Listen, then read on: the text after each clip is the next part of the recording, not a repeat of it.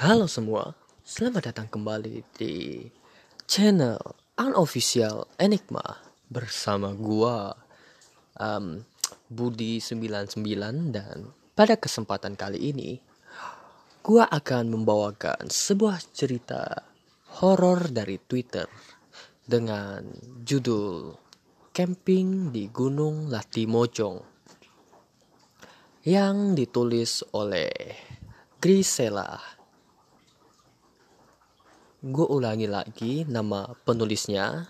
Jadi bagi kalian yang tertarik dengan cerita ini, kalian mungkin boleh memfollow akun Twitternya untuk membaca cerita-cerita horor lainnya dari si penulis ini, dari si Grisela, G R I I S E L L A A, Grisela. Oke, tanpa berlama-lama mari kita mulai ceritanya. Hai, nama gua Ian dan hari ini gua mau ceritain pengalaman mistis yang terjadi saat sekolah gua melakukan acara camping di Gunung Latimojong. Mulai dari kesurupan masal, bermain petak umpet dengan jin, sampai diseret kuntilanak.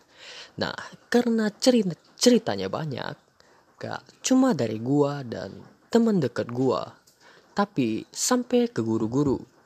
Jadi beberapa cerita nanti gue ceritain dari point of view orang yang ngalamin.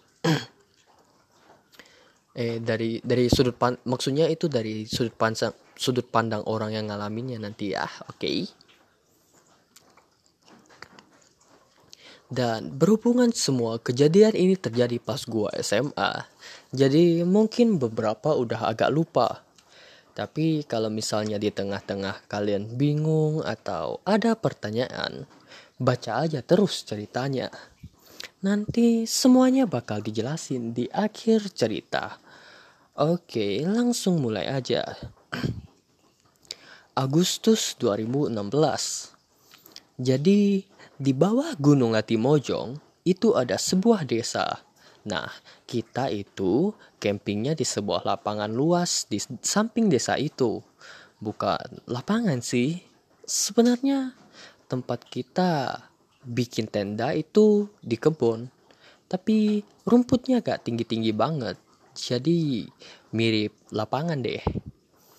Kita sampai sana itu sekitar jam tujuan kalau gak salah. Itu pun agak berkabut, soalnya habis hujan, lapangannya pun jadi becek banget. Jadinya kita nunggu di salah satu saung gede gitu, sampai matahari kembali bersinar.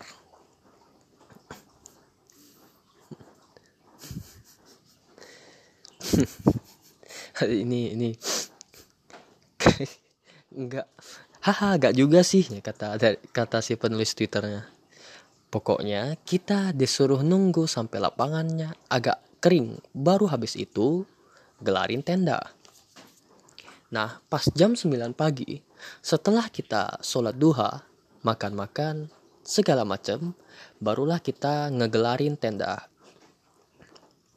Saat itu gua satu tenda sama tiga temen gua. Sebut aja Raja, Kimi sama Wahyu. Setelah kita gelarin tenda, kita dibiarin istirahat sebentar. Dan di sela-sela waktu istirahat, tiba-tiba si Wahyu kayak bisik-bisik gitu. Dia waktu itu bilang, tahu gak sih kalau katanya gunung ini salah satu gunung terangker di Indonesia. Ah, masa? Tanya Raja penasaran.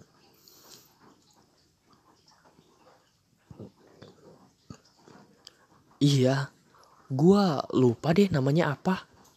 Wahyu menjeda sambil mencoba memikirkan kembali salah satu hantu yang sangat terkenal di sana. Kayaknya hantu Popo deh. Lanjut Wahyu. Apa sih? Eh, apaan sih? Apaan? Kimi yang mendengar itu pun langsung mendekat untuk mendengarkan cerita Wahyu yang menarik. Katanya, di sini ada hantu Popo. Jawab Wahyu. Hah? Apaan? Hantu Popo, ucap Raja sedikit berteriak. Terus pokoknya mereka ngomongin gitulah. Dan malah sempet si Wahyu ngajakin. Nanti kan jurit malam. Kita panggil aja. Ya gue tahu sih itu cuma bercanda. Cuma gue ngerasa agak gimana gitu. Pas dia bilang gitu. Soalnya menurut gue kayak nantangin jatohnya Sebenarnya waktu itu gue gak ikutan ngomong gara-gara takut. Cuma kalau urusan yang kayak begitu, gue gak mau ikut campur. Berhubungan juga gue udah pernah nantangin dan berujung fatal. Oke, lanjut aja. Dan semuanya pun bermulai. Tepatnya setelah Wahyu ngomongin hantu Popo tersebut. Jurit malam. Waktu itu jam 11, kita semua dibangunin buat jurit malam di Gunung Latimojong. Dan ya kayak jurit malam yang biasanya ditakut-takutin. Sampai akhirnya salah satu perempuan dari angkatan gua pingsan dan sempet ngilang sebut aja namanya Clara dia sempet jadi temen sekelas gua sih dan gua tahu banget dia ini orangnya penakut serta panikat panikan banget. Jadi pas gue denger dia ngilang gua agak terlalu kaget. Walaupun gitu ya panik juga lah. Oke langsung mulai aja. Dia bukan manusia. Ah, Clara tiba-tiba menjerit. Aduh, kaget. Ucap salah satu temannya yang langsung refleks mendorong Clara. Clara, jangan ngagetin dong kalau gak ada apa-apa.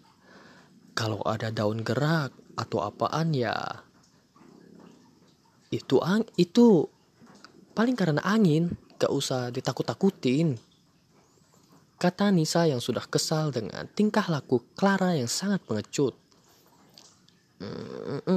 enggak kali ini beneran itu di pojok ada sesuatu ucap Clara sambil menunjuk-nunjuk ke arah sebuah pohon apa sih Nisa mengarahkan senternya ke arah pohon yang Clara tunjuk. Gak ada apa-apa, Clara. Apa sih? Ada apaan? Ada apaan? Tanya seorang lelaki yang penasaran dengan keadaan yang sedang mereka alami. Ah, enggak. Itu tadi halu doang. Ya, halu. Udah, yuk Clara, Nisa pun langsung menarik, menarik Clara agar tidak tertinggal dari rombongan. Walaupun begitu, tatapan Clara masih saja tertuju pada sesuatu yang berada dari balik pohon tersebut.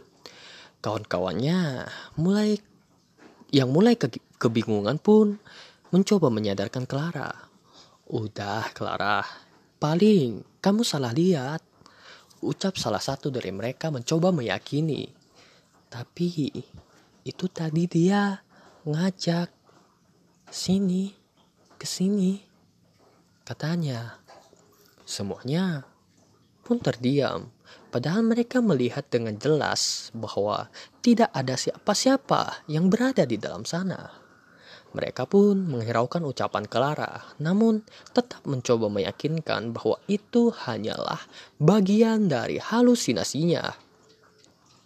Perjalanan yang panjang pun berlanjut sampai akhirnya salah satu dari mereka kelelahan. Atuh, Rara menggenggam pundak Nadia dengan gemetar. Tunggu.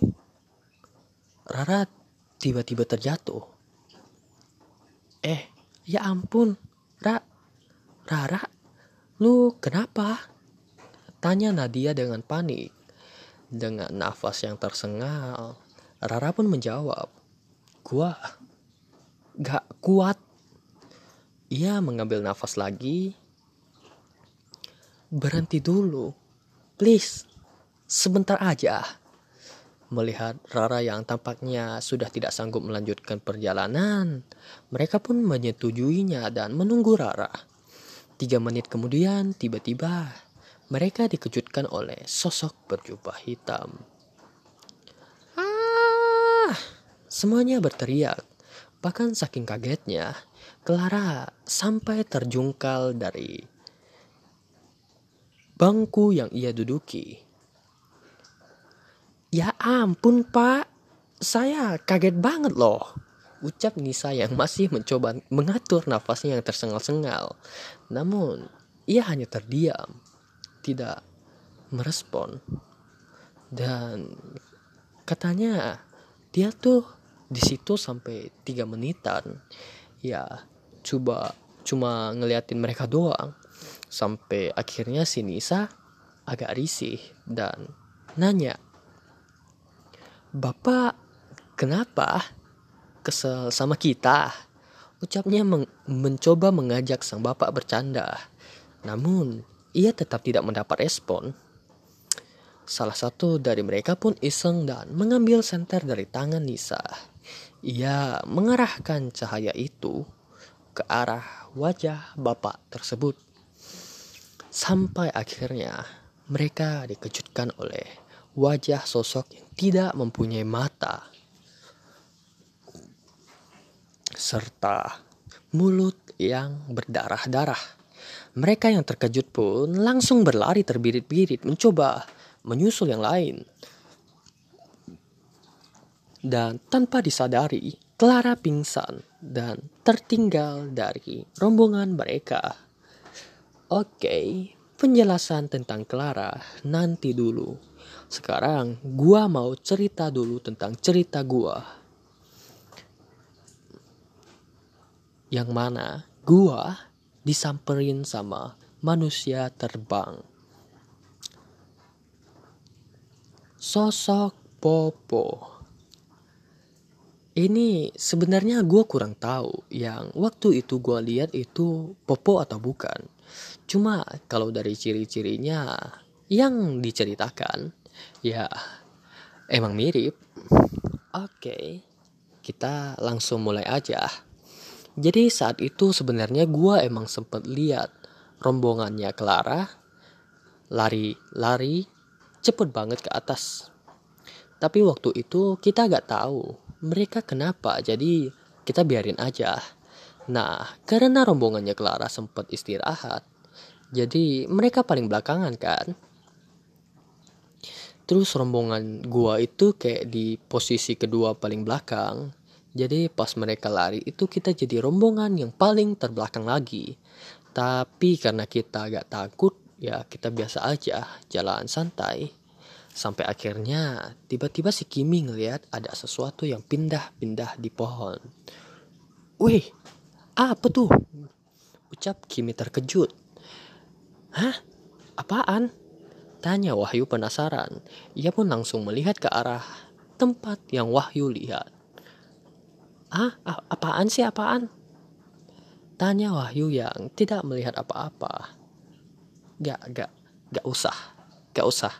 Udah, lanjut aja. Ayo. Kami pun melanjutkan perjalanan menyusul yang lain sampai akhirnya kita tuh dengar ada suara apa ya?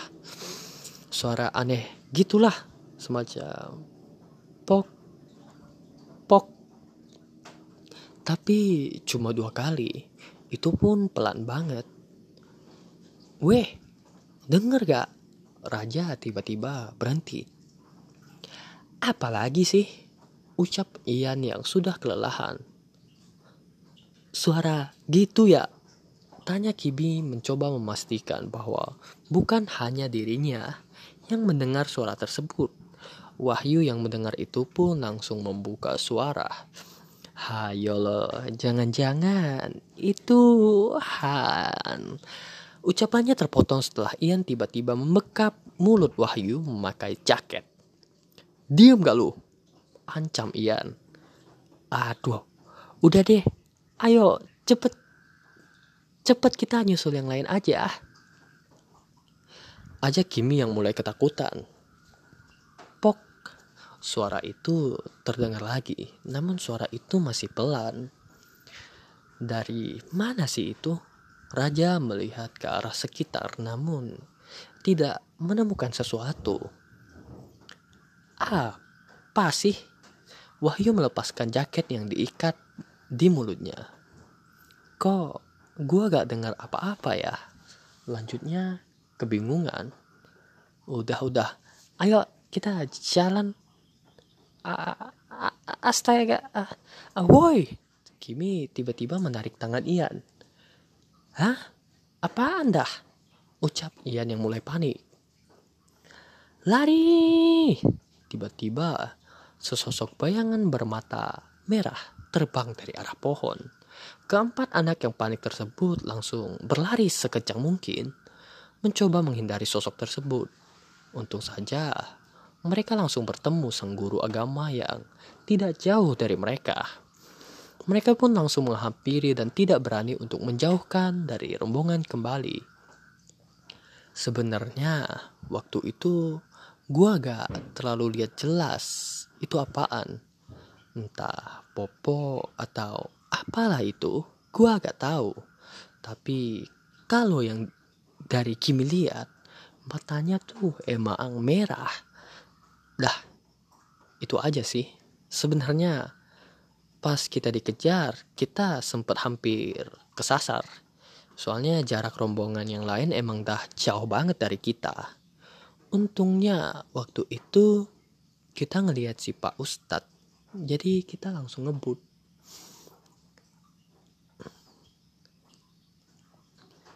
hilangnya Clara.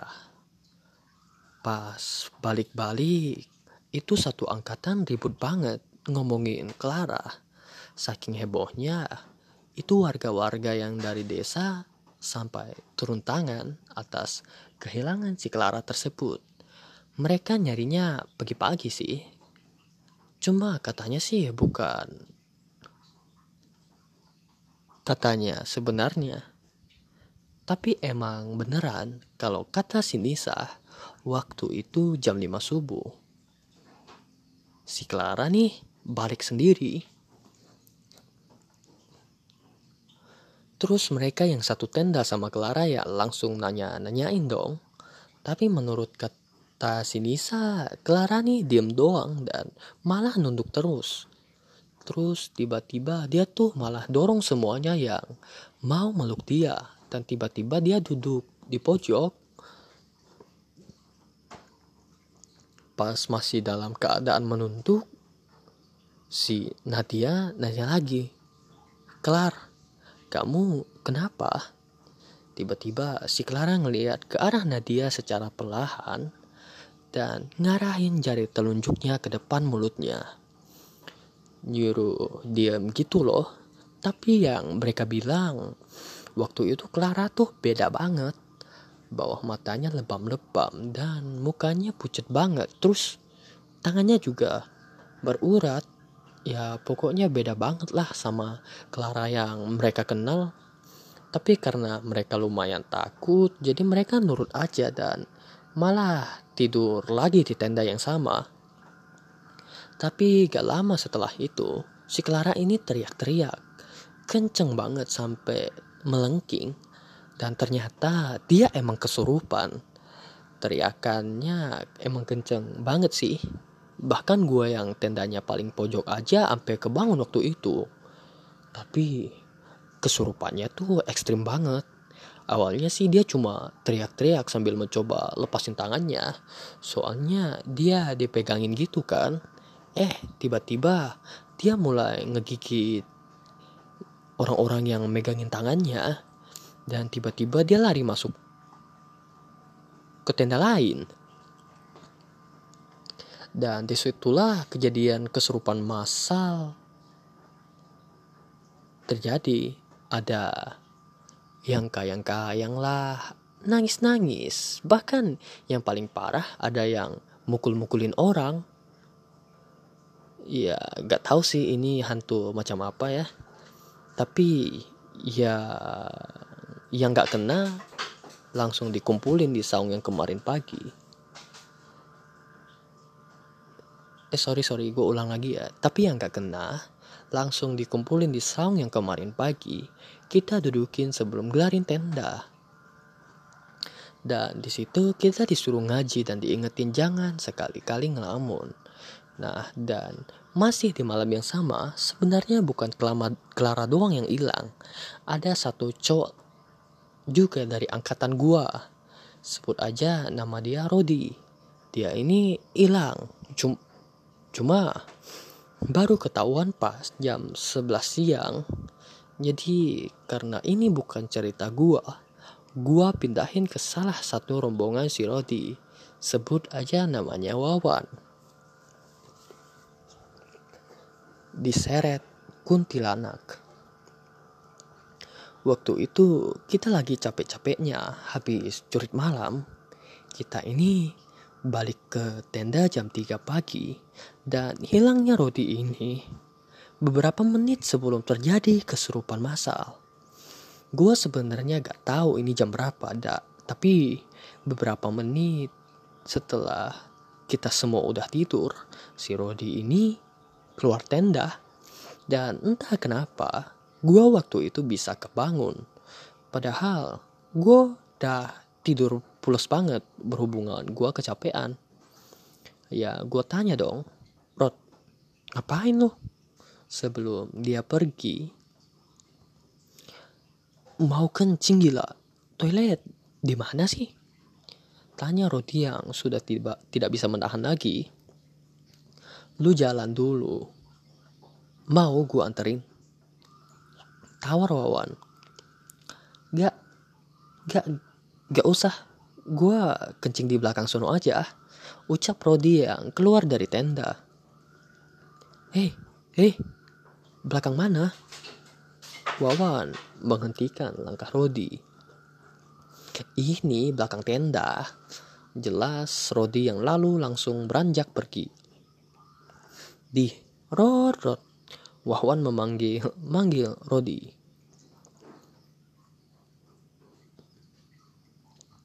Oh, gue salah nada ya. Di Rod Rod. Nah, gitu baru benar. Wawan memanggil manggil Rodi. Tapi habis itu Rodi gak nyaut. Jadi ya udah, gua tidur lagi. Karena gua males. Masa gua Oh. Mas hmm, karena gua males. Masa gua menghabiskan energi gua cuma buat ngeperhatiin si Rodi Gua sih mau berhentiin cuma buat bilang jangan kencing sembarangan, tapi karena gua udah kecapean banget, jadi gua langsung ketiduran lagi dan bangun-bangun emang gara-gara kesurupan masal. Dan pas semuanya disuruh keluar buat lari ke saung, gua tuh ngitung jumlah rombongan gua. Tapi pas ngitung gua tuh bingung banget karena jumlah kita kan bertujuh tuh. Tapi pas gua hitung cuma berlima. Yang satu lagi sih sebenarnya gak ada gara-gara dia kesurupan di dalam tenda. Cuma waktu itu yang kesurupan emang cuma satu. Sebelum tiga orang dari rombongan gua ikut kesurupan sampai akhirnya gua nyadar oh iya Rodi Cuma karena tiba-tiba gue langsung disuruh lari, gue langsung lupain si Roti dan langsung ikut lari aja. Dan gue positif thinking, si Rodi pasti kesurupan juga. Walaupun nyatanya enggak. Dan semuanya baru keungkap saat Rodi tergeletak pisang pingsan di dalam kebun. Paginya setelah kesurupan masal dan menyisakan 18 orang yang selamat, gua baru keinget tuh sama si Rodi. Semua yang kesurupan itu masih dikumpulin di dalam lapangan itu. Sisanya yang gak kena ya tetap stay di atas saung. Dan karena saungnya ada di atas lapangan, jadi kita tuh bisa lihat siapa-siapa aja yang kena. Dan ternyata emang pas gua lihat-lihat lagi, Rodi tuh bener-bener gak ada di lapangan. Terus karena gua mulai ngerasa aneh, gua langsung bilang ke salah satu guru gua. Gua bilang, Pak, ini ada salah satu murid angkatan kita yang enggak ada pak ucap gua terus tiba-tiba teman gua salah satu dari rombongan gua juga datang dan bilang hal yang sama. Pak kayaknya rombongan saya ada yang hilang deh. Satu pak. Dan di situ Pak guru gua mulai berdiri dan coba ngeliat ke arah lapangan. Terus kalau nggak salah angkatan gua tuh ada 96 anak, tapi karena yang nggak kena berada di saung, jadi di lapangan waktu itu cuma ada 78 anak. Tapi pasti itu ternyata emang cuma ada 77 anak. Awalnya di, si bapak guru gua bilang, ah ke toilet kali. Tapi dari tadi tuh gak ada salah satu murid yang naik ke desa buat ke toilet Akhirnya Pak Guru gua langsung turun ke lapangan dan langsung manggil. Yang namanya Rodi, coba angkat tangan. Dan di situ, di situ ternyata benar. Gak ada yang angkat tangan. Ya ada sih, tapi kayak cuma bercandaan doang. Terus di situ akhirnya guru-gurunya mulai nyari Rodi Singkat cerita, si Rodi ditemukan sama salah satu warga desa di dalam kebun dalam keadaan gak sadarin diri. Dan untungnya letaknya gak jauh dari tenda. Jadi habis itu langsung digotong dan coba dibangunin. Nah terus sekarang gue pindahin ceritanya dari point of view-nya si Rodi. Dari, oh, dia pin, oh, jadi sekarang kita akan mulai masuk ke point of view dari si Rodi ya dari asal muasal dia hilang sampai apa yang dia alamin.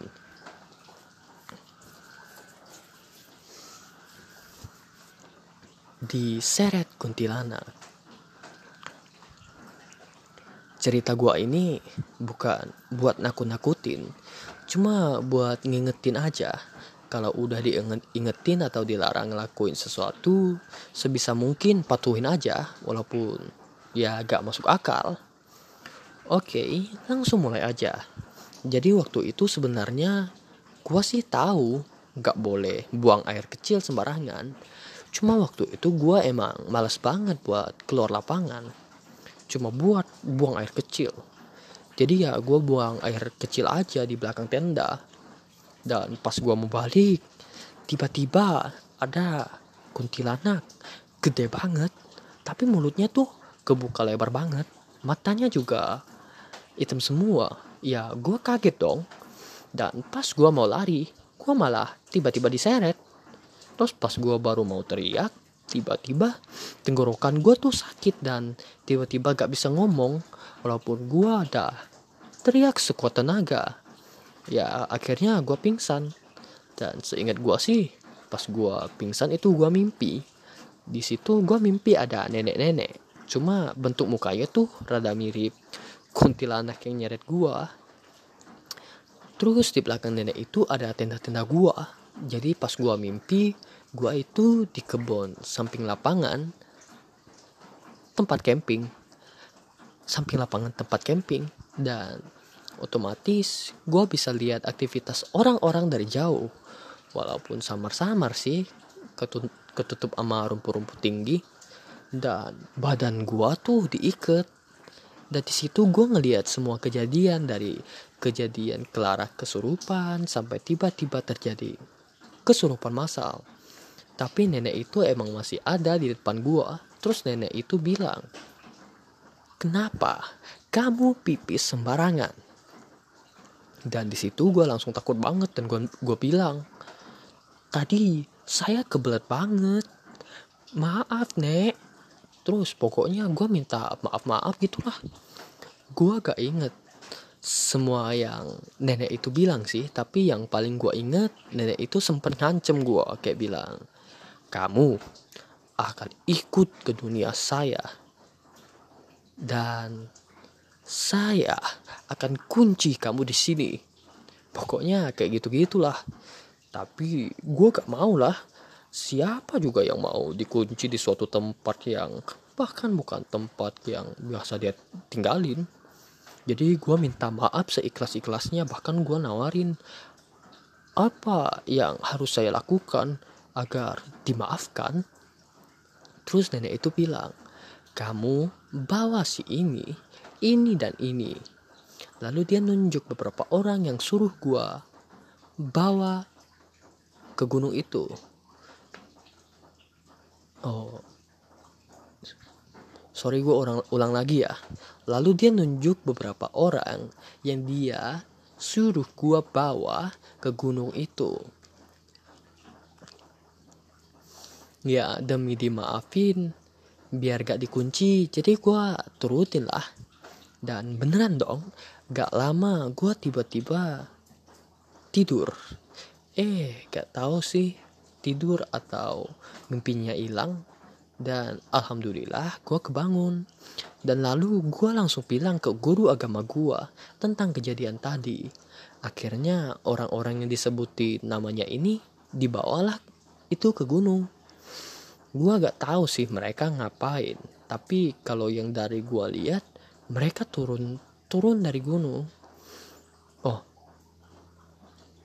tapi kalau yang dari gue lihat mereka pas turun-turun dari gunung semua mukanya tuh pucat bahkan beberapa abis nangis. Dan cuma guru agama gua aja yang turun turun mukanya be aja. Sebenarnya gua waktu itu penanya itu kenapa? Ya ya cuma gua sih sebenarnya hampir semuanya nanyain tapi guru bilang gak boleh. Soalnya pada trauma. Udah sih itu aja kayaknya agak serem-serem banget deh. Cuma cuma pengalaman camping ke sana tuh salah satu kejadian yang nggak pernah bakal gue lupain. Apalagi pasti kejar manusia terbang atau apalah itu. Sebenarnya masih ada lagi sih yang dari teman sekelas gua ke toilet berdua tiba-tiba gak jadi masuk gara ngeliat di atas-atas kamar mandinya di atas kamar mandinya ada yang gantungan terus salah satu rombongan juga ada yang diajak main sama anak kembar yang ternyata bukan orang. Untungnya waktu itu ada warga desa jadi mereka langsung ditarik. Kata katanya sih kalau aja mereka ngikut mereka bisa aja kesasar dan hilang dan ada juga yang ketempelan sampai sakit berhari-hari.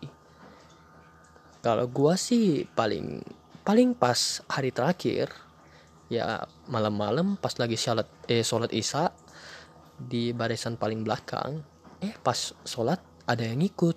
Dan pas ngelihat kakinya gua mikir kok pucat banget? Ya kan. Dan pas selesai sholat dia udah gak ada. Terus pas itu kan Wahyu sama Kimi depan gua terus mereka langsung gemeteran. Kenapa?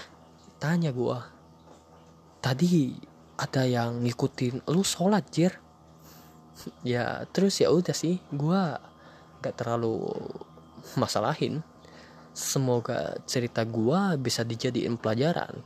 Jangan bicara sembarangan apalagi nantangin hantu kalau udah dilarang diturutin aja. Gak usah nyok gak usah ngotot-ngotot penasaran. Oke selesai. Makasih yang udah baca sampai akhir.